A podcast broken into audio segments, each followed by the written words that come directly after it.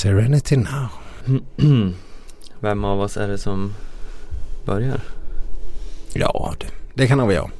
Eh, ja, är du redo? Jag är redo. Är du redo? Jag tror att jag är redo. Vi låtsas som det i alla fall. Ja.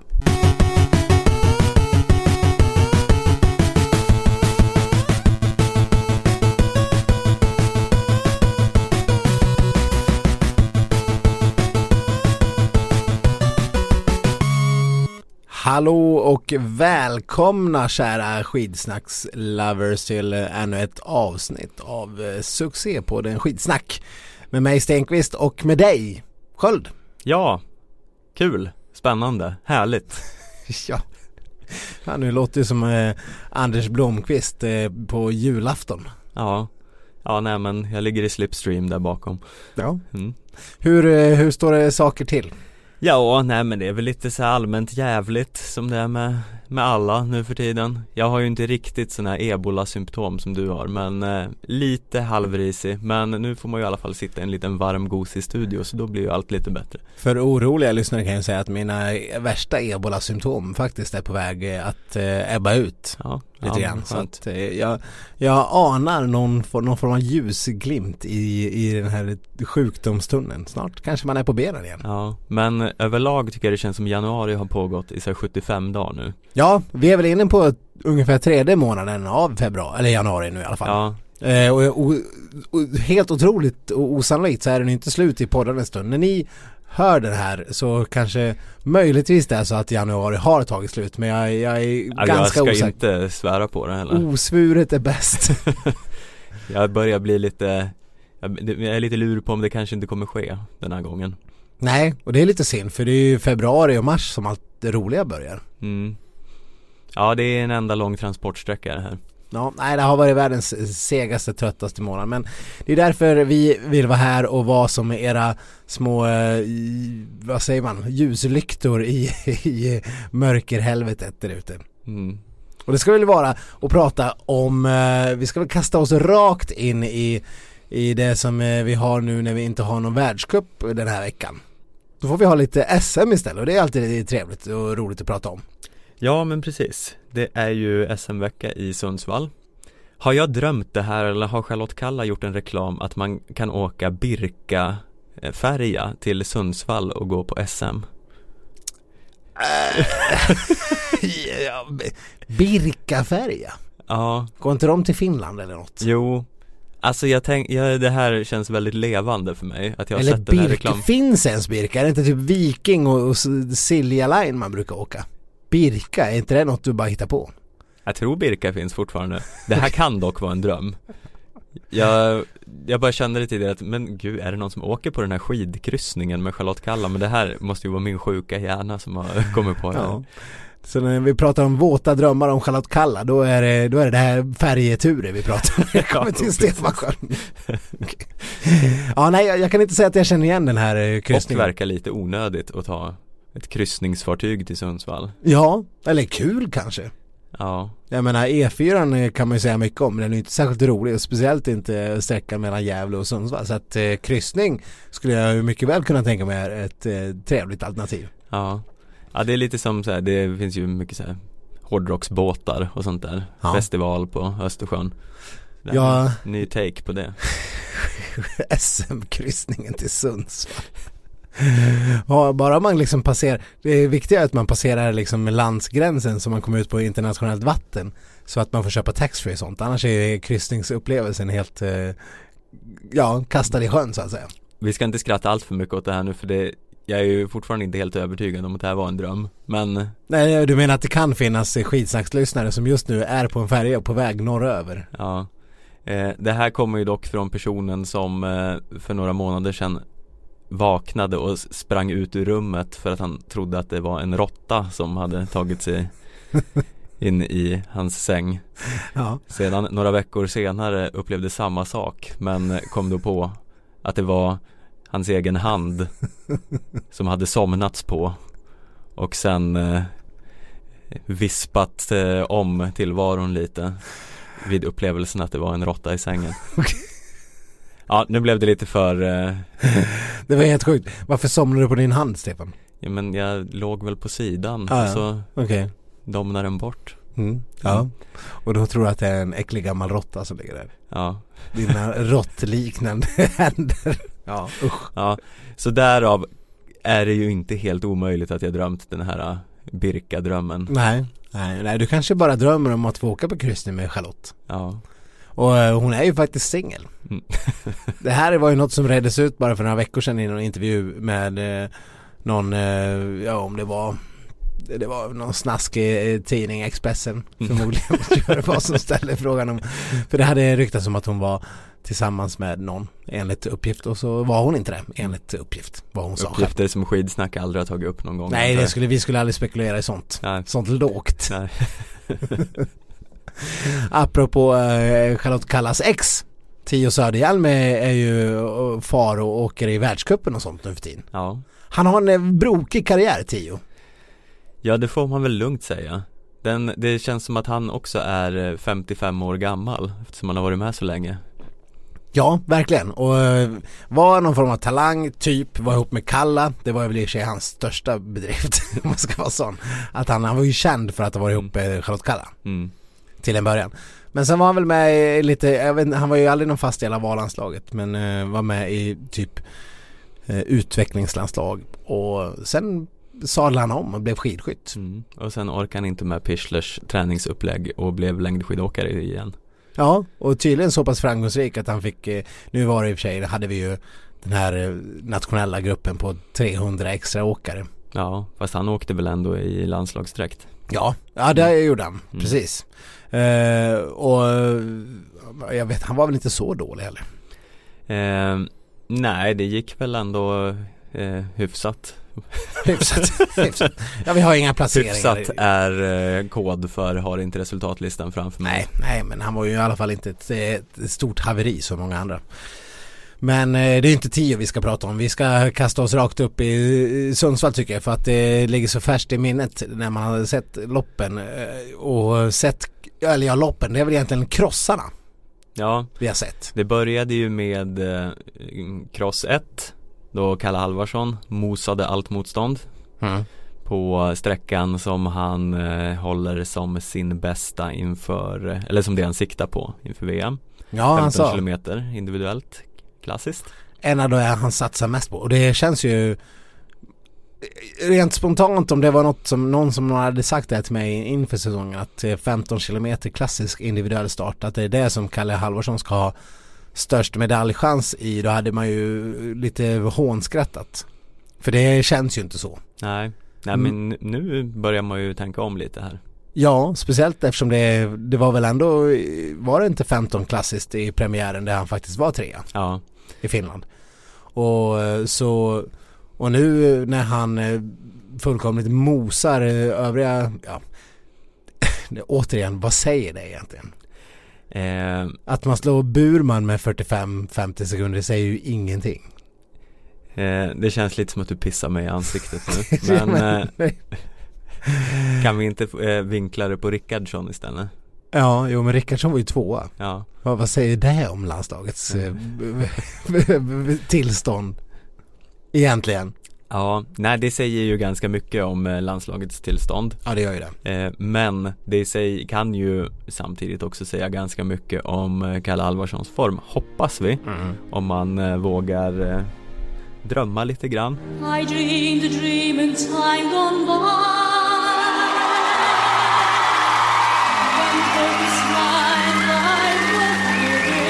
Det kanske finns eh, ett, eh, ett hopp här inför VM nu. Mm. Eller vad? Du drömmer om eh, att Kalle ska nå sina mål och kanske ta en medalj. Ja, eh, jag tycker ändå nu efter, ja dels det här och så var det ju stafetten i Ulricehamn i helgen.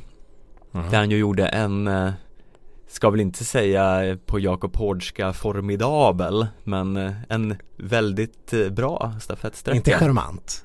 Nej, ja, jag, jag vill inte ta till sådana värdeord riktigt.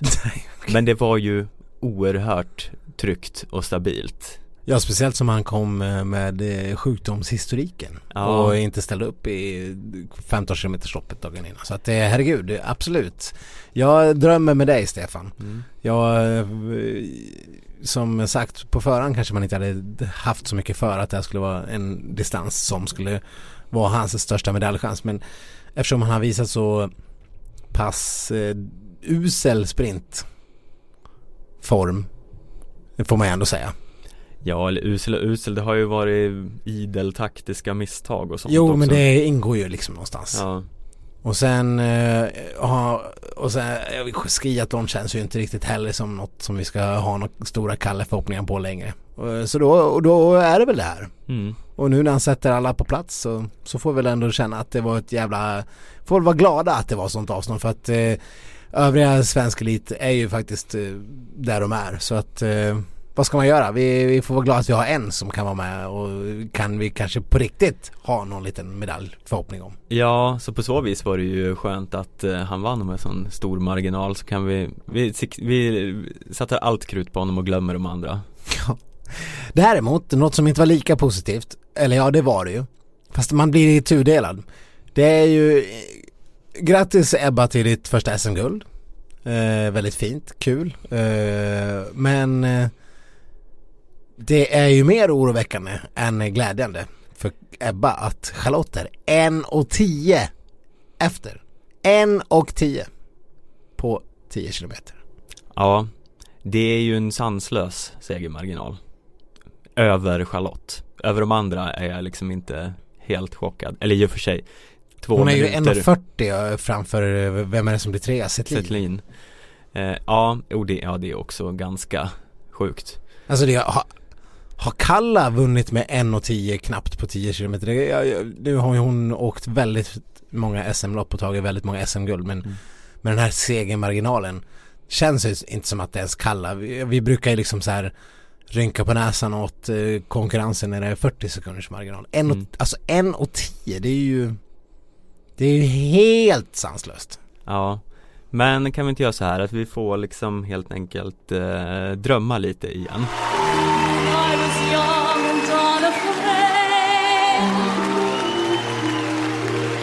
when dreams were made and used and wasted. Det kanske bara är helt enkelt så att eh, Ebba Andersson har hittat en, en ny så här, liksom Johaug 2.0 växel här Så du ser framför dig i Seefeld att eh, eh, Ebba helt enkelt bara liksom seglar iväg och man ser tiderna tickar in och Johaug är och hon når inte fram, nej hon är efter, hon är långt efter, hon är långt efter. Precis så, det, det kommer liksom sluta med en 30 sekunders marginal där Och så Ebba visar det sig att det här 15 resultatet sekunder. var liksom ingenting Kalla är så här, ja men Det här är bra. 25-30 sekunder efter Johaug Så att är man Men- 1,10 efter Ebba i VM då, är, då räcker det till en bronsmedalj. Ja, precis Ja, ja gud det vore ju trevligt. Mm. Om det var så pass. Men det är, ja nej det hoppas jag verkligen att, eh, att du får rätt i din, eh, i din eh, förutsägelse. Ja Alltså förutsägelser och förutsägelser, jag, jag drömmer lite fritt Det är, en, här det är en dröm. det, det får man väl göra ibland Absolut. ja nej Men, men, Frida Karlsson som ju är sjuk och inte med i SM nu Hon tror ju att det är lugnt med Kalla Hon har sagt att hon är bra på formtoppa så det kommer vara okej. Det är liksom Det är väldigt mycket, okej det är väldigt mycket Frida i medierna nu för tiden. Ja, Frida är överallt. mm, Alltså hon är Frida, Frida ska vara, vara med i SM, Frida ska inte vara med i SM, Frida säger dittan och dattan om det här och det här och sen Fridas superkropp såg jag att vi, vi hade på Sportbladet också vilket var Det var ju väldigt lustigt när jag visade det här för min sambo igår eh, Fridas superkropp-puffen. Mm, Det var ju samma bild som jag hade skickat till dig någon gång i somras när vi typ eh, liksom när hon eh, när, vi, när man la märke till henne lite grann för första gången ordentligt. Och gick in, när jag gick in på hennes Instagram och såg den här superkroppsbilden. Mm. Vi kunde ju ha lanserat det här plusknäcket för flera månader sedan. Ja, ja, vi är alltid steget före. Ja, verkligen. Ja men det är, ja det var ju, det är förresten en sjuk bild, ni måste gå in och kolla. Hon eh, Ja det, hon är i och för sig så här super vältränad och nedtränad och liksom eh, Johaug muskulös liksom. Mm. Sanslös bild. Men eh, Frida och SM är ju ganska tråkigt. Hon kommer missa 10 kilometer, hon kommer missa sprinten som är under torsdagen, ja nu, eller vänta, torsdag är det, det är ju, det är ju, då har ju den här podden inte ens kommit ut. Nej. Men eh, hon står även över stafetten och sen eh, finns det en liten förhoppning om att hon ska köra eh, dubbeljakten, Mm. eller vad man nu vill kalla den. Skiathlonen. Namn. Och eh, vi får väl se. När ni lyssnar på detta kanske det redan har hänt eller så har det inte hänt. Eh, vi, jag hoppas ju såklart att de kör. Men jag tror det är ganska lugnt. Jag, om jag får redan nu spekulera lite VM-trupp. Mm. Det kan vi väl ändå passa på att göra. Ja, ja, vi har väl inte så mycket bättre för oss. Nej, så säger jag att eh, Frida kommer att få en plats. Jag och Grip är ju som du vet numera Ler och Långhalm. fler Precis. Two peas in a pod. Va? Nu, ursäkta dum fråga här. Men vad är ler för någonting? Jag vet inte. Vad är långhalm? Ja men det är ju långhalm antar jag. Men vad är ler? Vadå långhalm? Ja, Vadå det menar som halm fast ja lång? fast den är lång. Ja, jag, halm jag som man har till liksom i, stallet. Ja. Ja men någon slags halm är det väl. Men ler. Jag har inte tänkt på det förut. Men jag, jag vet inte riktigt vad det är. Ja, vi skulle behöva någon form av ordstävs professor. Som skulle behöva komma in och reda ut saker och ting. Ja. Ja vi får, vi får googla det här sen. Lakritstrollet i Nile City skulle kunna komma in. Ja, eh, men jag, jag, jag vet faktiskt inte. Men eh, vi är i alla fall in sync Mm. kan man säga. Eh, numera, jag och den gode Grip. Så att eh, jag har liksom telepaterat min eh, uttagnings eh, önskemål. Mm.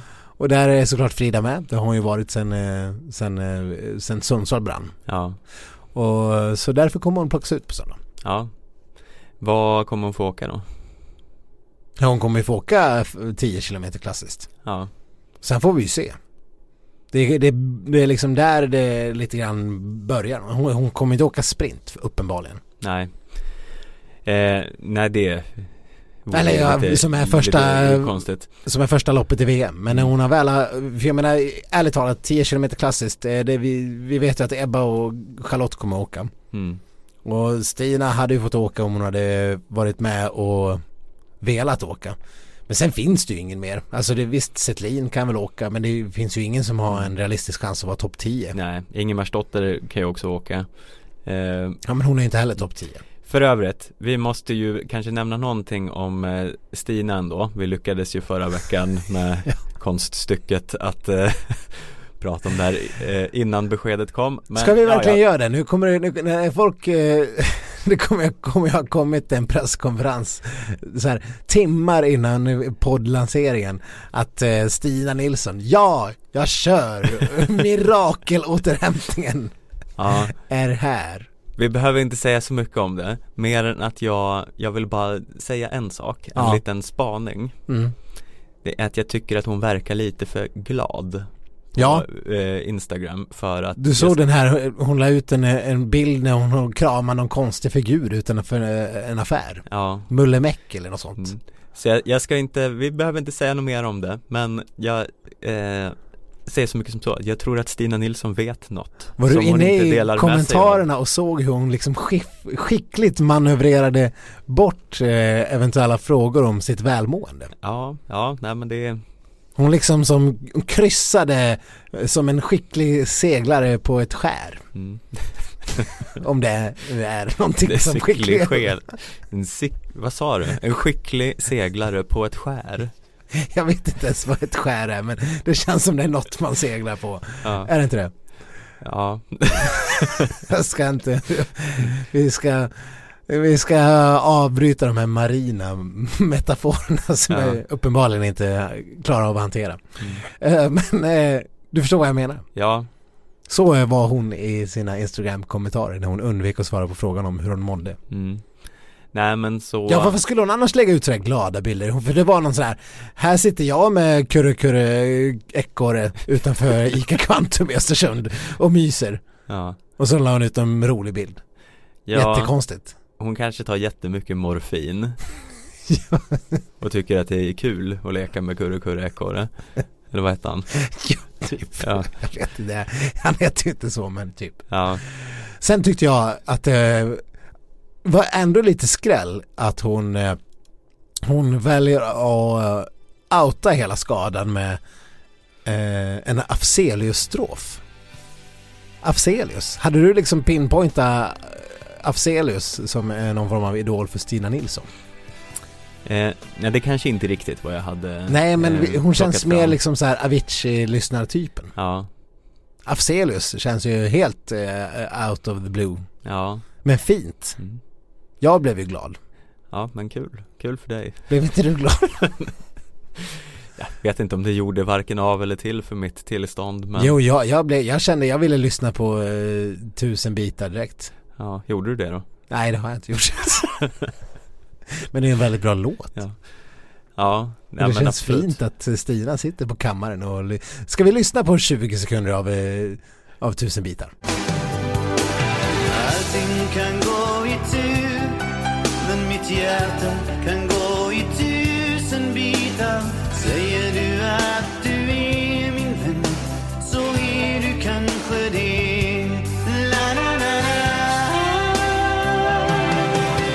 Ja men gud vad vackert! Mm.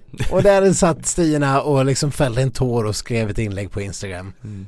Och kände att nu det här, det här ska vi ha. Ja, och sen går det några dagar så leker hon med Kurre Kurre Ekorre Och ser glad ut Jag vet inte, vi ska ju inte liksom ta ut några något i liksom eh, förskott eller svinga åt något håll här för vi vet hur det kan gå, Lex förra veckan Mm. Så vi väljer att inte säga någonting men eh, ni får Fast- tolka fast in det själv Hon är klar. ja, alltså, ni, vi ska inte säga något, ni behöver inte tolka, men ja, hon, är, hon är klar. Hon är klar. Ja, Och om inte annat så har ju redan Grip meddelat att han eh, kan lämna en plats öppen. Sista, det här som kommer på söndag kan ju rent av vara en chimär. För att Ja. sätta konkurrenterna i, i, eh, i, att famla i mörkret. mm. Sista slutgiltiga truppen skulle skickas in typ två dagar innan VM som drar igång. Den 19 februari tror jag att det är. Mm. Eller någonting sånt. Eh, Det är i alla fall på en torsdag som eh, det inleds med sprint. Jag ska bara, ja det är den 21 februari. Mm. Så att, ja, jag tror att VM börjar den 19 och då är de här liksom eh, blåbärsloppen när de, de ska kvala de här eh, Elfenbenskusten-åkarna och, och eh, Andorra tänkte jag säga men de är ju för fan i världsklass. Den kan man inte dra längre utan det är Elfenbenskusten och, och Colombia som ska köra sina pre-race eh, lopp. Mm. Det är alltid underhållande att se vad det är för sköna lirare som är med.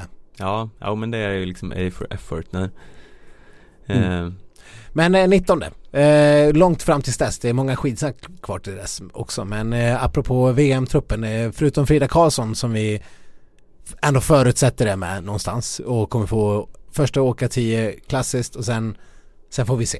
mm. Så känner jag.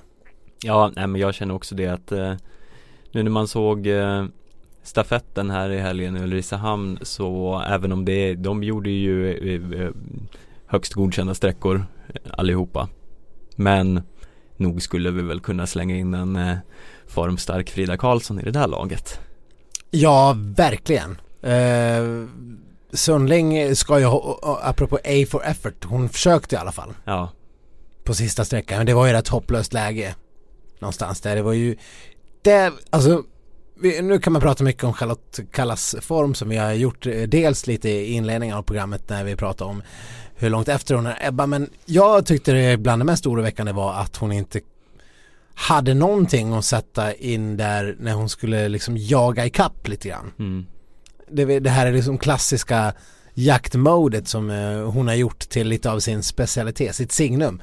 Sätta in Charlotte Kalla i 15 sekunder efter någon på en stafett är ju som, har ju varit som att sätta ut eh, en, en, ett köttstycke i ett hajakvarium liksom, Mm.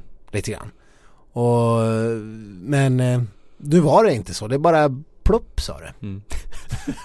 Ja, Jag sa faktiskt bara plopp. Det sa bara plopp.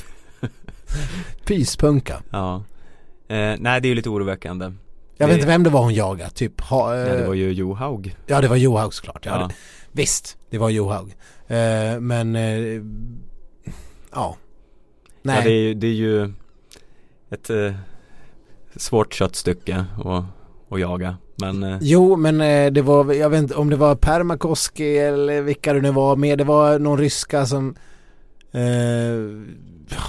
ska, när jag inte har koll på det här så Ja. känns det fånigt. Men det var andra som gjorde det minst lika bra som Charlotte. Som kanske inte borde ha gjort det. nej. Och nej det- men hon är ju inte där hon eh, ska vara. Ja, hur ska hon kunna tydligt. fixa det på tre veckor? Ja men det är gott om tid. Ja det talas ju om, eh, hon brukar åka till någon alport där hon alltid kör sina uppför eh, mästerskapsläger. Mm.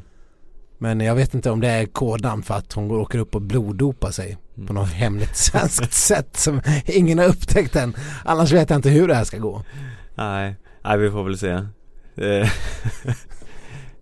Förhoppningsvis blir, blir hon inte påkommen då om hon gör det här. Det skulle inte se så bra ut ur svensk hänsyn. Nej, det skulle vara trist. Det skulle vara en smolkig glädjebägare som Ja. är svensk damskidåkning just nu.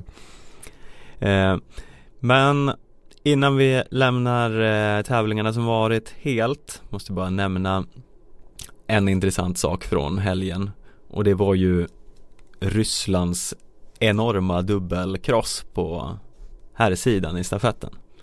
Ryssland 2 går alltså vinner före Ryssland 1 och Norge som Ja. förlorar sin första stafett på om det var fem år. Ja. Ja det var ju fånigt. Ja. Och eh, norska damerna har vunnit varje stafett i tio år. Det är också bra fånigt. Men att det, det kändes ju också som att Ryssland, nu var det väl typ Besmersnik, bes, säg det. Besmertnich. Helvete vilket jävla namn. Eh, som rätt, rätt, rätt, Det roliga var att jag gjorde en sån här eh, Rättivich. Rättivich. Eh, en, eh, jag skulle google-översätta något som innehöll ordet besmertnich Ja. och det blev typ, typ oövervinnerlig. Ah! Den översatte det till eh, Alexander oövervinnerlig. Fy fan, ha ett sånt coolt namn. Mm. Fy. Ja, ja men det låter ju lite så. Besmertnich. Mm. Besmertnich. ja, det, hör, det hörs ju att det är oövervinnligt. Men Spitsov, Belov var det väl? Ja, och så var det den här eh, fjärde other guy. Ja, den här jag- ungtuppen som körde sista sträckan och som var ett, eh, var ett jävla monster. Ja, Krossade Ostjugov. Ustjugov. Så att eh, kul att Ryssland har minst två lag. För det saknades ju ändå ett par namnstarka åkare också Mm. i de här två lagen. Så de har ju förmodligen i alla fall tre lag som är bättre än Sveriges A-lag. Ja, ja, det är ju förtroendeingivande. Det känns ju kul. Men å andra sidan alltid gött att någon slår Norge. Nu kanske de eh, hade lite hade lite och de kunde väl skylla på första sträckan och eh, eh, Tönset Holund. Holund var det som Mm. åkte och, och eh, verkade ha ganska dåliga, dåligt under fötterna men eh, ja, vad fan.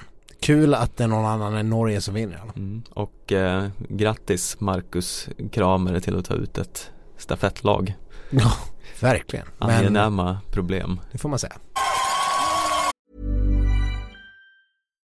Millions of people have lost weight with personalized plans from Noom, like Evan, who can't stand salads and still lost 50 pounds. Salads, generally, for most people, are the easy button, right? For me, that wasn't an option. I never really was a salad guy. That's just not who I am. But Noom worked for me. Get your personalized plan today at Noom.com. Real Noom user compensated to provide their story. In four weeks, the typical Noom user can expect to lose one to two pounds per week. Individual results may vary. Ja, nej men vi ska väl kanske vandra vidare lite här i eh, skidvärlden och eh, ta oss eh, in till eh, kommentatorshytten eh, eller till vinterstudion till och med. Ja, det här är det här, jag vet inte riktigt vad vi ska kalla det här eh, det här fallet. Nu är inte vi, vi har inte vi utgett oss för att vara någon form av uppdrag granskning i skidvärlden. Nej, Bara ibland. Bara ibland Och vad gäller helst Instagram-upptäckt. Ja, det är han, det är, vi är ju bra på nakengranskningar och sånt Precis. Men, Det, här är, det här är faktiskt något vi har blivit uppmärksammade på av en, eh, en, en, en, en lyssnare. ja eh, Både lyssnare har hört av sig och eh, jag, jag, jag såg faktiskt det här flimra förbi eh, själv också eh, Mm. Men eh, jag hajade inte riktigt till förrän Din nyhetsnäsa var inte så in, eh, in tune. Nej men det var ju det, jag såg ju, det var en dag när typ alla skidåkare i hela världen kändes det som Började lägga upp samma reklamfilm på sina Insta-stories Mm. Det var någon sån här snajsig eh, Salomon eh, video Ja, det där verkar vara väldigt populärt. Så har det varit både med, nu är inte vi sponsrade av någon av de här produkterna så att vi kan ju lugnt gå ut och säga det. Men det var ju Craft har ju haft sådär här synkade eh, nu ska alla gå ut och lägga upp och senast var det också Fischer eh, när Charlotte och alla möjliga nu snart om 10, 9, 8 kommer de här nya, någon nedräkning till några nya Fischer skidor liksom mm. som någon synkar grej. Men ja, den här Salomon var ju också eh, väldigt eh, populär ett tag. Men det är ju det som var lite lite som eh, är lite märkligt är ju då att det är en expertkommentator som sitter och skickar ut sådana här reklamer på sin sociala medier. Ja, precis. Det är ju, eh, Mattias Fredriksson lägger ju också upp den här reklamen Och eh, vad spelar det för roll? Kan man ju tänka Mm. eh, Jo men eh, han är ju för i helvete SVT-anställd Ja, Och det vet man ju hur det brukar gå för sådana när de håller på med sina reklamsamarbeten Ja, verkligen. Det har ju, det skrivs ju hela tiden om olika SVT-profiler som får lov att liksom eh, sättas åt sidan eller vad, du får inte vara sidekick i det här programmet eller du får inte göra det här. Senast, eh, det som, jag satt och försökte komma på lite olika sådana här fall. Så eh, första jag drog mig till minnes var ju Loa Falkman som fick lov att petas från eh, nyårsklockorna mm. för att han var ICA-Stig. Eh, så SVT Var det inte tvärtom att han eh, fick sluta läsa nyårsklockan när han blev ICA-Stig? Jo men precis. Ja, Ja, tvärtom. ja det, det kanske inte alls var Vad sa jag egentligen? Ja, ja.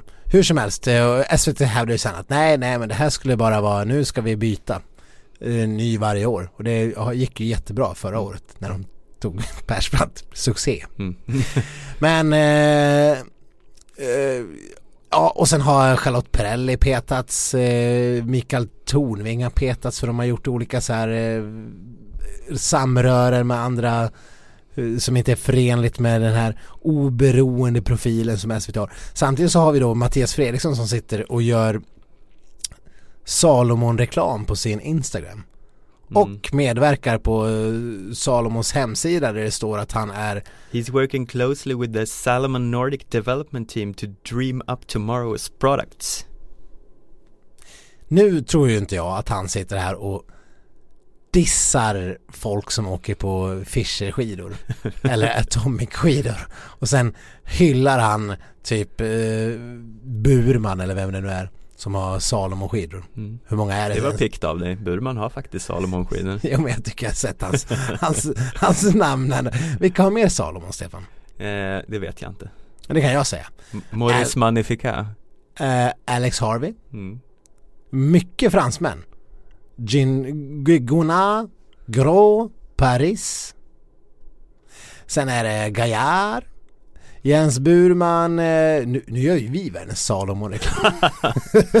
Men vi är inte public service-anställda Carly Örjeslind, Och vi- Carl-Johan Westberg, Lina Korsgren. Eh, det, det är liksom Auger och Jouve. Fan varenda jävla fransman. Jag trodde Salomon var svenskt en gång i tiden, var det inte det? Är det ett franskt märke? Nu ställer du frågor jag inte kan besvara Sebastian Samuelsson. Viktor Thorn. Herregud. Ja, ja. Hur som helst, eh, förutom med alla dessa namnkunniga åkare så är det alltså även Mattias Fredriksson. Det är inte så att eh, han kanske sitter och höjer Viktor Thorns och Jens Burmans insatser för att de råkar ha Salomskidor. Men lite, lite märkligt är det väl? Ändå. Ja, ja, särskilt om man sätter i relation till alla de här andra fallen Att Charlotte Perrelli gör reklam för Comvik när hon är programledare i ett avsnitt av Melodifestivalen. Ja, som Känns inte ju- har någonting med det att göra. Känns ju inte super eh, viktigt i jämförelse. Nej, han sitter här och hjälper till att utveckla skidor åt ett av de stora märkena. Det är ju, ska gudarna veta att det är ju ganska liten bransch det här skidåkningen. Det är inte som att det finns 48 olika varumärken som gör skidor. Det finns typ fyra. Mm. Och här sitter han och är anställd av en av dem. Jag gissar att SVT har skrivit någon form av liten eh, klausul eller något som förmildrar det hela eller gör det eh, acceptabelt. Ja. För de kan ju omöjligt inte känna till det här. För det, det är ju inte första gången eh, han gör Salomon-reklam. Hela hans sociala medier är ju fulla av Salomon-loggor. Ja, och han har ju Salomon-mössor och han har Salomon-handskar och, och han har ju han har ju bra känsla för att få in dem i bild Ja, hela tiden. Men eh, det, de, de kanske känner till det men de- har ju inte tagit det så nog pass långt att de kan eh, stoppa honom från att verkligen lägga ut ren och skär Salomon-reklam på sin Insta-story till exempel. nej. Eh, det, är, det är väldigt lurt det här. Mm. Speciellt som det är Mattias Fredriksson. Alla eh, som känner till lite om honom vet att han behöver ju sannoliken inte pengarna. Han är ju, har ju hundratals miljoners aktiepengar på banken. Berätta mer. Ja men det har ju skrivits om hans aktie och börsframgångar. Ja. Ja, det är ju lite det ja, han har gjort sig ett namn på i efter karriären. Och förutom eh, det så har vi ju det från några säsonger sedan när vi eh, fick in ett annat lyssnartips om eh, hur man åkte till, det var VM i Lahti tror jag. När vi hade en eh, lyssnarspaning som såg att eh, eh, de här kommentatorsjonen som är hård och, och eh, typ, vad heter hon, eh, som har, som, Yvette. Mm. De satt i, i ekonomi medan Mattias och någon expert, någon mer, de satt ju i business. Klassisk eh, skidsnackspaning från eh, eh, några år tillbaka. Skitsnackspaningar vi minns. Ja, precis.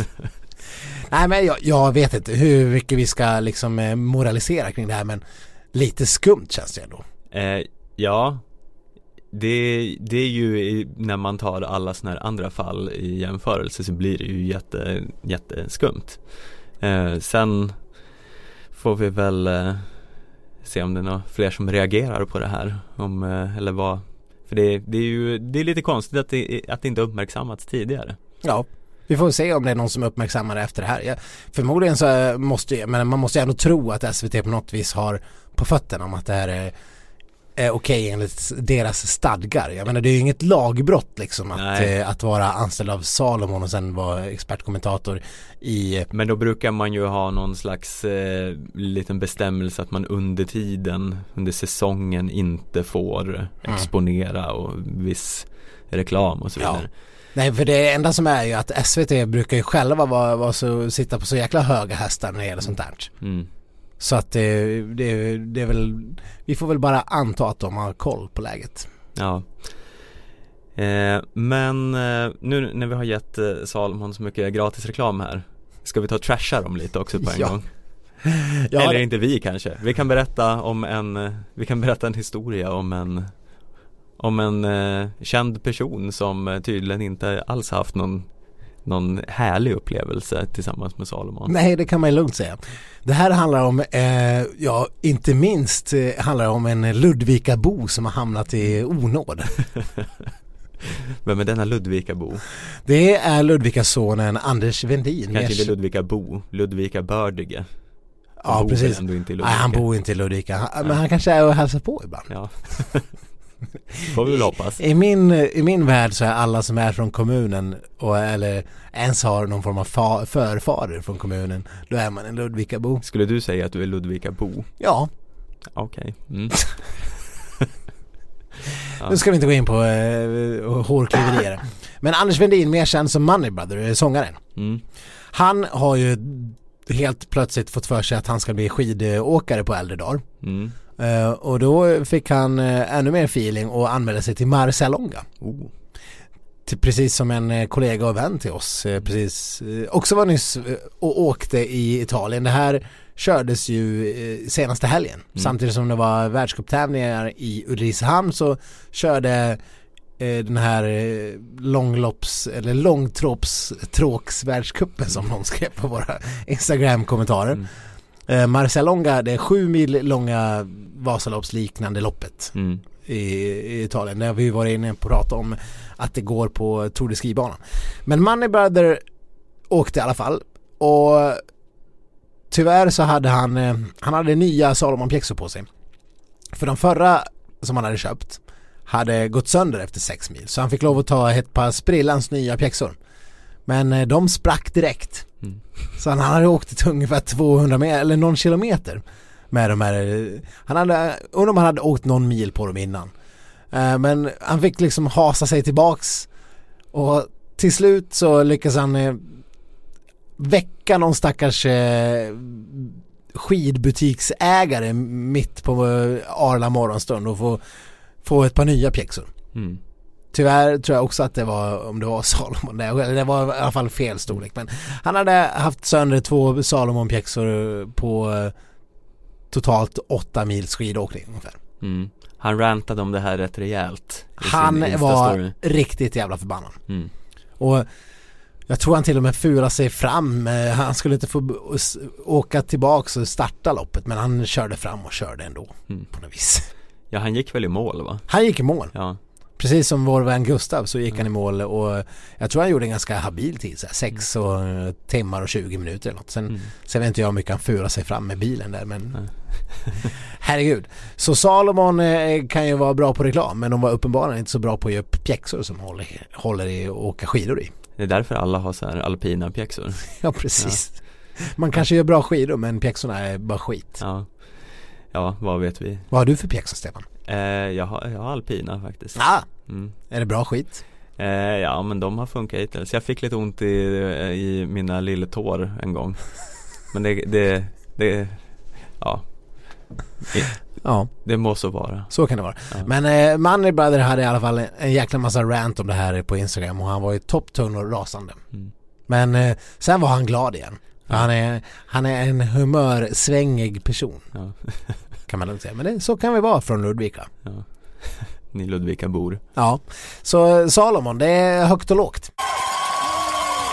En annan nyhet som kom i veckan gjorde mig så oerhört glad Eller glad kanske är fel ord Men jag, jag drog på smilbanden Ja, när jag läste att halva skidskyttelandslaget har insjuknat i svår magsjuka Och nu tänker ni att vänta, vänta, vänta. En annan nyhet som gjorde mig glad. Okej, jag ska nyansera det här lite Jag, jag blev inte glad för deras eh, olycka Nej, Men jag blev lite glad för att våran egen eh, spaning eller våran eh, Våran frågeställning kring om det var så klokt av skidskyttarna att gå på Idrottsgalan ja, eh, var korrekt ja. Och ja, vi kan väl kanske inte slå fast att det hade med det att göra Men det kan ha varit så Ja. Fick de ebola-virus på Idrottsgalan? Frågan man ställer sig lite grann i, i ljuset av det här är att eh, tror att Sebastian Samuelsson tål lite skit nu? Eh, tveksamt alltså De bevingade orden var ju man måste utsätta sig för lite skit för att tåla skit. mm. Därefter så går han på Idrottsgalan Tre dagar senare har han galopperande eh, vinterkräksjuka, Mm. typ. Så att eh, det är liksom så här, oh the irony. Ja Det här är ju lite som om ni minns den här äh, ehm, ön dit en missionär åkte eh, och blev ihjälskjuten med Andamanen eller något sånt där. Ja, för några månader sedan Ja, När han skulle frälsa de här, eh, den här ursprungsbefolkningen med eh, den kristna tron sentinel, sentinaleser. Norra Sentinell Ja. ja Men eh, fick ett pilregn över sig och dog Ja, precis. Det får Eh, man inte heller skratta åt. Men... Man, eh, man ska ju inte närma sig de, den här ön för att eh, det är till och med olagligt enligt indisk, indisk lag Ja, för att man kan smitta den här uh, ursprungsbefolkningen med sjukdomar som de inte har någon resistans emot. Det är ju lite samma sak att släppa in skidskyttar på Idrottsgalan. Man ska inte göra det helt enkelt Som eh, skidskyttar på Idrottsgalan, det är som missionären på eh, Norra Sentinell. Ja. Ja, en, jag köper det helt och Jag vet hållet. inte vad som är missionären och vad som är ursprungsbefolkningen av Idrottsgalan och skidskyttarna Nej, Men, vad som är hönan och vad som är ägget i smittobärare. ja precis Men eh, det hela resulterar ju i att de åker och kräks i Antholtsen Ja. Och eh, Ja, det var inte bara Sebastian Samuelsson. Han hade ju i, innan Idrottsgalan och när de hade beslutat att de skulle gå, då var det ju någon form av ordkrig mellan Sebastian Samuelsson och Stina Nilsson. Han tyckte ju att eh, Stina och Charlotte och de var fåniga som inte gick dit. mm, Och där, därefter föll han den bevingade kommentaren. mm. Eh, och Stina skulle minsann prata med Sebastian uppe i Östersund. Nu hoppas jag att hon undviker honom som fan. Så att inte hon drar på sig också en magsjuka till råga på allt elände. Ja, nej det var ju, det var ju som sagt inte bara han, det var ju Anna Magnusson och Martin Ponsiluoma och eh, ja eh, några till Ja, och det syntes ju också på, på flera av åkarna att det var ju inte det var inte det, speciellt på Sebastian Samuelsson i den sista massstarten eller vad det var. Det var, ju- det var inte mycket kräm i de benen. Nej, Så man, eh, alla som har varit magsjuka vet att man kan känna sig ganska urlakad efteråt. Mm. Så det är ju ganska imponerande att bara ställa upp. Men eh, jag skulle tro att eh, det var sista gången vi ser Sebastian Samuelsson på en idrottsgala mid-season. Ja. Kanske speciellt då det vankas hemma-VM några veckor senare. ja Hanna Öberg klarar sig ju ändå, får vi säga Men hon som är lite superstar kanske får någon form av eh, specialbehandling Vet du varför Stefan? Det är för att all, Alvita Pro hon äter. Ja, såklart Det funkar Det funkar för mig för mig. ja, ja, ja herregud. Jag tycker, det var det Jesper Nelin som hade först bott med eh, Ponsiloma och så hade han blivit sjuk så fick han flytta in med Peppe Femling istället och så blev han också sjuk och så fick han flytta vidare Man skulle vara rätt orolig då om man går runt och är Jesper Nelin Ja, ja verkligen. Vi får väl vara glada att de inte att de inte själva paren bor ihop när de är ute på resa. mm. Det kan ju också vara farligt. Eller ja, vi får hoppas att Hanna Öberg ständigt isoleras nu. Att hon, är, att hon lever i isolation. Mm. Hon, gör en, hon får göra en sån där Johan Olsson, flytta upp till, eh, vad är det han brukar åka till Bruks. Mm. Ligga i en stuga i Bruks i sex veckor. Ja, Och bara åka skidor dag och ut och dag in. ja så hon, man får ju hoppas att hon hoppar runt i någon sån här månlandardräkt nu fram till VM Ja. Ja, verkligen. Hon har ju på något vis eh, växt fram som ett jättemedaljhopp. mm. Såg Så- för övrigt att eh, Elvira Öberg också är uttagen till eh, VM-truppen Kul! mm. Sen återstår det att se om hon får åka någonting men Mm. Har du gjort några efterforskningar i det här märkliga i att eh, nu har de haft sina tävlingar i Antholts och VM börjar, vad, vad sa vi att det var? Typ fjärde mars eller någonting sånt? mm. As långt bort.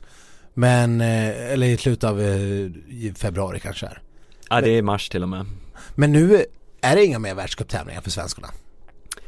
Nej, det är ju Sex veckor till VM, de ska inte åka en enda tävling. Det är tävlingar i USA och Kanada som Sverige ska stå över, är det sagt Mm. Men det är ju evigheter kvar till VM Ja, alltså hur tänker man att man ska kunna Man hinner ju få en körtelfeber och bli frisk på den tiden Ja, ja, man kan ju få liksom tvar och bli Ja. frisk på den tiden. Herregud. Så det verkar ju väldigt märkligt och att man ska inte ha någon liksom så här tävlingsfart. Ska, ska man efterlikna det på träning då? Jag, jag vet inte, antingen är det ett succédrag men det känns ju lite märkligt. mm. eh, Ja, alltså det, man förstår ju att man inte vill uh, hålla på och flänga fram och tillbaka över Atlanten Men nu när det är så lång tid så tänker jag att det borde väl inte spela så stor roll Nej, nej men till och med Särskilt inte som alla andra verkar ska göra det, som jag har förstått Ja, nu får vi, nu får vi dra oss till minnes den här statistiken om hur det var liksom eh, värt att åka Tour de Ski under ett mästerskapsår eller inte. mm. Och ja, vi får väl se hur de här eh, skidskyttarna klarar sig men nej, hade jag varit förbundskapten kanske jag hade ändå åkt eh, den första, jag tror den första är i, i Kanada. Om det är näst, nästa vecka eller det är, alltså det är ganska snart men eh, Ja, skumt. Mycket skumt Vi har ett litet krig som pågår, eller som eh, pågick i helgen i alla fall Mm. Det är ett krig mellan vårt eh, eh, fantastiska herrlandslag Ja, i längdskidor och kommentatorn Anders Blomqvist alltså Vad är det här, som har hänt Viktor? Ja, det här är ju de absolut bästa krigen. Mm. Krig, det är ju krig när ingen dör. Mm. Men det, det istället mynnar ut i väldigt roliga rubriker. Ja, Eh, och eh, det här var ju eh, Det var ju Anders Blomqvist som fällde en helt eh, enkelt rimlig eh, utlåtande efter 15 kilometersloppet. När Sverige, vad har vi, en topp 30 eller någonting? Sånt. Eh, det var ju totalt nattsvart och han säger att det här är Ja, det här är alldeles för dåligt och oroväckande. Och sen, sen eh, om vi ska behöva nämna dem igen, men eh, Expressen mm. intervjuade sen Jens Burman efter det här loppet och skickade då med den här Anders Blomqvist kommentaren om hur, hur för dåligt det är. Och jag måste säga att Thomas Pettersson på Expressen gör ett väldigt skickligt reportersjobb där. Mm. För att han, han kastar den här informationen inte en gång, inte två, utan tre gånger i ansiktet på Jens Burman. Som till slut, på typ tredje varianten av samma fråga, liksom äntligen säger vad han tycker. Mm. Eh, och då eh, säger Jens Burman något i stil med att ja men han kastar ju ut sig vad för skit som helst. Mm. Han sitter där och orerar eller vad, Mm. vad är det han säger? Något sånt. Jag, vet, jag förstår att du inte vill eh, liksom återge sådana här dumma kommentarer från din gunstling. Nej men jag tycker att det är bra att han, eh, han eh, står för vad han tycker Att han ryter ifrån. Ja jag tycker det är bra att Jensa ryter ifrån Go Buris. Ja, Nej men det var väldigt roligt. Han sa som sagt att eh, Anders Blomqvist eh, Det var ju liksom eh, skidåkarspråk för Anders Blomqvist Go fuck yourself and everyone you know. mm. Liten passus här bara, jag tog faktiskt ut Jens Burman i mitt fantasylag Nobody puts Burman in the corner i helgen Succédrag. Han levererade inte riktigt, så jag är lite besviken just nu Ja. men, men jag kommer över det. Ja, Kan tänka mig. nu kan vi gå vidare Ja, eh, hur som helst, eh, det blev ju ett eh, ordkrig av Guds nåde och det har fortsatt sen. Det har ju skrivits mer och mer artiklar. Alla har ju snappat upp det här, vilket är otroligt underhållande. Men det har väl eh, någonstans mynnat ut, vi har ju klagat på herrlandslaget i, eh, under hela säsongen. mm. Eh, Men inte mer. Nej, Nu ska vi istället för att bara vara klagande och eh, kritiserande eh, vara konstruktiva. ja, Vi har hittat lösningarna på herrlandslagets eh, usla kvalitetsproblem. ja, nej men det är väl bara att sätta in lite krisåtgärder helt enkelt Ja, Och, vi har väl varsin plan här, eller hur, hur, har du gjort en plan? Jag har gjort en plan. ja, nej men eh, kör din plan först du Mm. Min plan eh, ser ut lite så här. Eh, man avstrippar skidlandslaget, här, då pratar jag om herrarna, all form av individualitet och självbestämmande. De kommer från och med, ja, vi får väl ta det här nästa säsong. Mm. De får ta ett beslut om de vill vara med eller inte. Men då kan man säga tack och hej till eventuellt fru och barn. Mm. Vinka adjö till eventuella flickvänner eller pojkvänner. Mm. Eh, vi syns om fem till tio år. Ja, Och sen får man flytta upp till Bruksvallarna ja, i en liten stugby. Isolerad från all mänsklig kontakt. mm. Där kommer Johan Olsson att vara lite av en diktator. Han kommer styra och ställa i den här stugbyn. Han får det därefter, nu har vi ju nåtts av nyheten att Wolfgang Pichler inte ska längre vara tränare för, här- för skidskyttelandslaget sägs det. Eh, det är bra. För då snappas han istället upp av skidlandslaget. Och tjup, så eh, kommer han nu att eh, skicka ut eh, med fax varje vecka nya träningsprogram för alla åkarna. Och det är inte bara där som eh, åtgärder dras. Vi kommer även ha nya stadgar för hur länge man får vara kvar i landslaget. Jag har gjort en liten tabell. Mm. Eh, jag kan bara dra det här. Vi har ju i landslaget just nu i A-truppen, det är inte så många åkare, det är faktiskt bara sju stycken. Oskar Svensson 23, Viktor Thorn 22, Jens Burman 24. Daniel Rickardsson 36, Kalle Halvarsson 29, Carl-Johan Westberg 26 och Theodor Pettersson 30. Ursäkta, sa du 36? Ja. Ja, ja tiden, går, tiden går snabbt Ja, men vad tänkte du? Nej men nu när du säger det så är det ju klart att han är det men, Johan eh, Olsson är ju typ 38 liksom. Ja, Eller 37. Äh, Ja. Något sånt. I alla fall. Eh, det, är ju, det positiva här är ju att Viktor Thorn är 22 år. mm, Det är ju, han är ju, han är ett barn fortfarande. mm. Och han är ändå ganska bra. Ja, han är ju vår, vår bäste man Ja, efter Kalle Alvarsson då precis. Eh, och i min tabell, och i de, nya stadgarna så gynnas man av att vara lite yngre här. mm, Men det kommer gå till så här. Är man 20 till 25 då kommer man ut efter sina insatser på detta år att eh, eventuellt erbjudas plats i landslaget nästa år. Men det kommer vara strikt resultatbaserad plats eller inte. Hamnar man som man är ute i kylan då får man, då får man gneta sig i, i, i liksom skandinaviska kuppen och sånt. mm, Men så här går det till. Är man 20 till 25 och under säsongen har hamnat på pallen då garanteras man tre nya år. mm. Pallplats genererar tre nya världscupsäsonger. Sen byggs det på. Kommer man på pallen nästa år då blir det tre nya år igen. Mm. Så det är bra. Det är ganska frikostigt. Ja, absolut 20 till 25-åringar, de, de har de pallen så får de det. Topp 10, också frikostigt. Två nya år. mm. Eh, inte i eh, inte i sprint. Nej. Där måste det vara, säg att det måste vara final. Mm. för att det ska garanteras två nya år. Och eh, topp 30, då är det ett år. Och då kan vi, kan vi i sprint dra det till typ semifinaler. Mm. Drar du det till semifinal under säsongen, ah, då vet du att du får chansen nästa år också. 25 till 30, nah, då skruvar vi upp eh, kraven lite grann. Mm. Pallplats, två nya år. Ja, Så, så här hade då eh, Kalle Halvarsson och Carl-Johan Westberg eh, de hade kunnat kneta till sig och även Theodor Pettersson två nya år med en Ja. pallplats. Så Kalle han har, ju, han har ju nu två nya år på banken. Mm. Kul för honom. vi kanske ska börja applicera det här systemet eh, internt och se hur, eh, hur folk står sig Ja, kolla hur det ser ut. mm. Eh, Topp 10, ett år. Mm. Och det var alltså motsvarande final i en sprint. Ett Ja. år. Och där har vi väl ändå eh, haft någon svensk i sprintfinal. Om jag inte är helt eh, ute och cyklar. Men nu kommer jag inte på vem det skulle, nej kanske inte på här sidan. Ja, Kalle har väl varit i final någon gång, har han inte?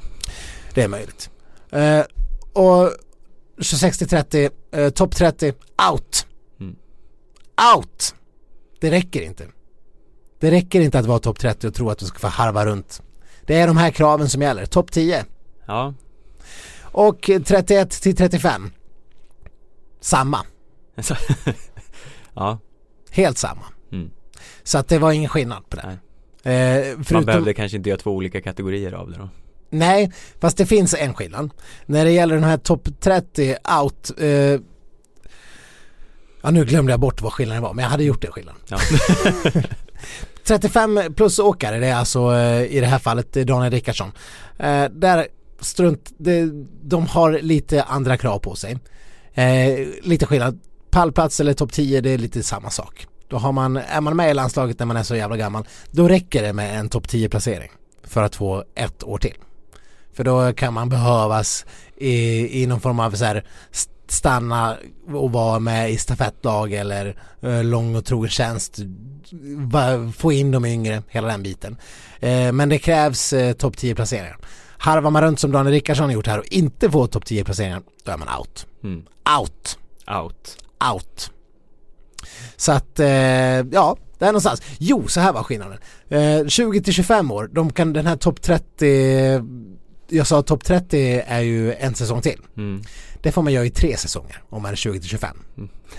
Om man bara under tre säsonger har varit topp 30 och inte, inte hoppat upp ett steg på den här listan, då är man out. Jag uppmanar alla lyssnare här nu att spola tillbaka och lyssna på det här segmentet om och om igen för att lära er det här för det, det är lite svårt att hänga med men jag, jag, jag gillar upplägget 26 till 30, då har du två säsonger på dig att vara topp 30 och om du inte har klivit upp på listan då, då är du out. Och 31 till 35, ja då är du out. mm. Ja, Ja, det är ord och inga visor. där är det. Där är löst det och tillsammans med min eh, briljanta plan med eh, så kommer vi eh, snart att eh, vara ett landslag i världsklass. Ja eh, Ja men bra, jag eh, kan ju bara fylla i lite då för det, det finns mycket som tangerar med, Ja. med våra Ah, upplägg hade här. du samma tabell som jag? Nej, det, tabellen har jag inte Nej. men den, den tycker jag vi inför eh, på en gång Ja, bra. eh, Men jag tänkte så här, jag, det, det är lite mer i uppbyggnadsfasen som eh, jag, jag tar i lite mer här Mm. Eh, Jag har ju redan stämt av det här med alla partiledarna nu i riksdagen och de kommer snart att klubba igenom som man kan säga att det är en till form av värnplikt som kommer att införas i Sverige. Vad, bra, kul. Ja, eh, det här gäller då eh, alla förstfödda pojkar i Sverige. Mm. De kommer vid 10 års ålder att få en kallelse eller de kommer få först ett eh, fax av Wolfgang Pichler. Såklart. Eh, För alla tioåringar har ju fax. ja, det är det. Jag, jag tänkte att det kanske är enklare att man utbildar Wolfgang i mail än att eh, eh, dela ut en fax till alla familjer i Sverige. Det här kan vi fundera lite på. Ja.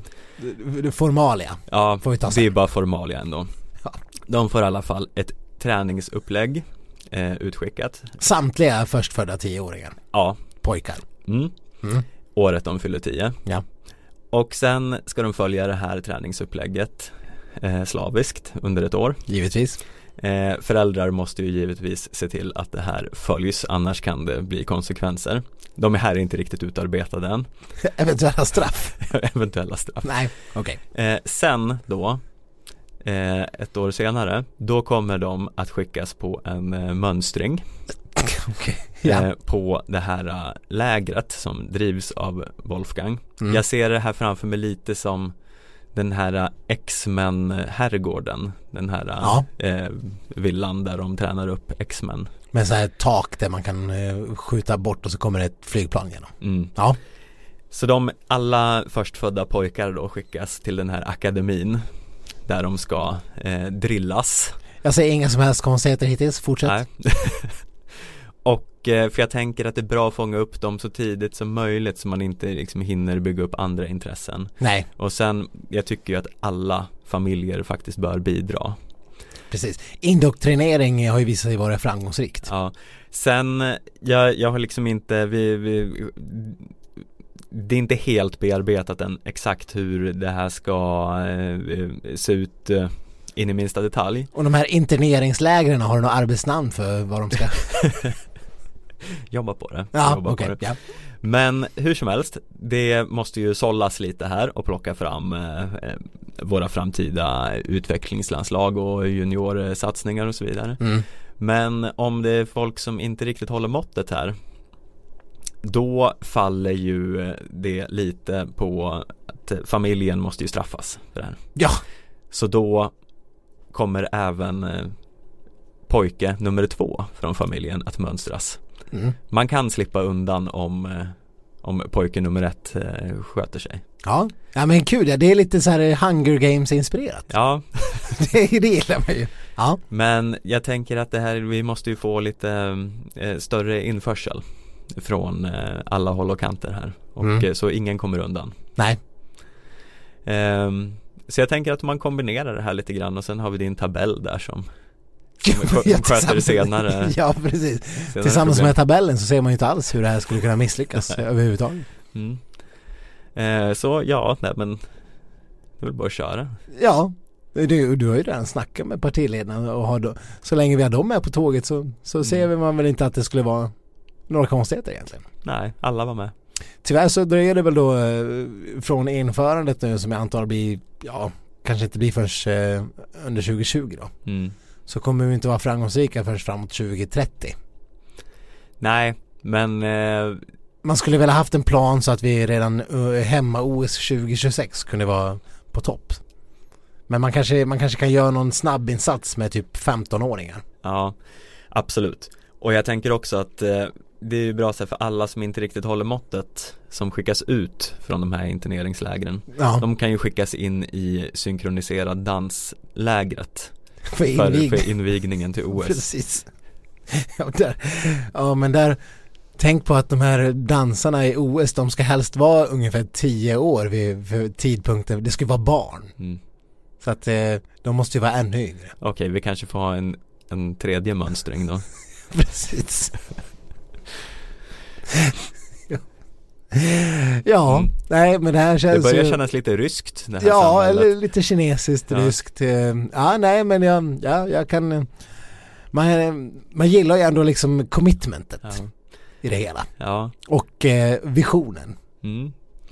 Eh, vi kan väl uppmana er lyssnare också att om ni har några bra förslag på hur vi ska lösa krisen i herrlandslaget Varför så, det nu skulle behövas fler förslag vet jag inte men det, ja, någon men kan man ju kan ju något. alltid förädla och förfina lite Ja, grann. det kanske, kanske går. Mm. Men eh, om ni har några förslag så mejla dem gärna till oss på skidsnack.aftonbladet.se Mm. Det tycker jag ni ska göra. Och eh, sen tycker jag att ni ska följa oss i sociala medier för att jag tror att vi när VM-truppen har presenterats kanske måste ha någon liten VM-truppsrecension där också. Ja, absolut Så att eh, håll utkik på Instagram eh, och eh, Facebook för er som inte har Instagram eller, eller Twitter rent av för er som inte har något av det där. Men har Håll ni, inte utkik på LinkedIn för där finns vi inte nej, nej, och har man inte Facebook eller Instagram sannolikheten att man har Twitter måste ändå ses som ganska liten. Ja, Men vad vet vi? Ja, vad vet vi. Eh, hör av er och eh, med eh, synpunkter och tips och eh, allt sånt. Så får vi väl säga på återseende, återhörande Precis. nästa vecka. Mm. Hej då! Hej då!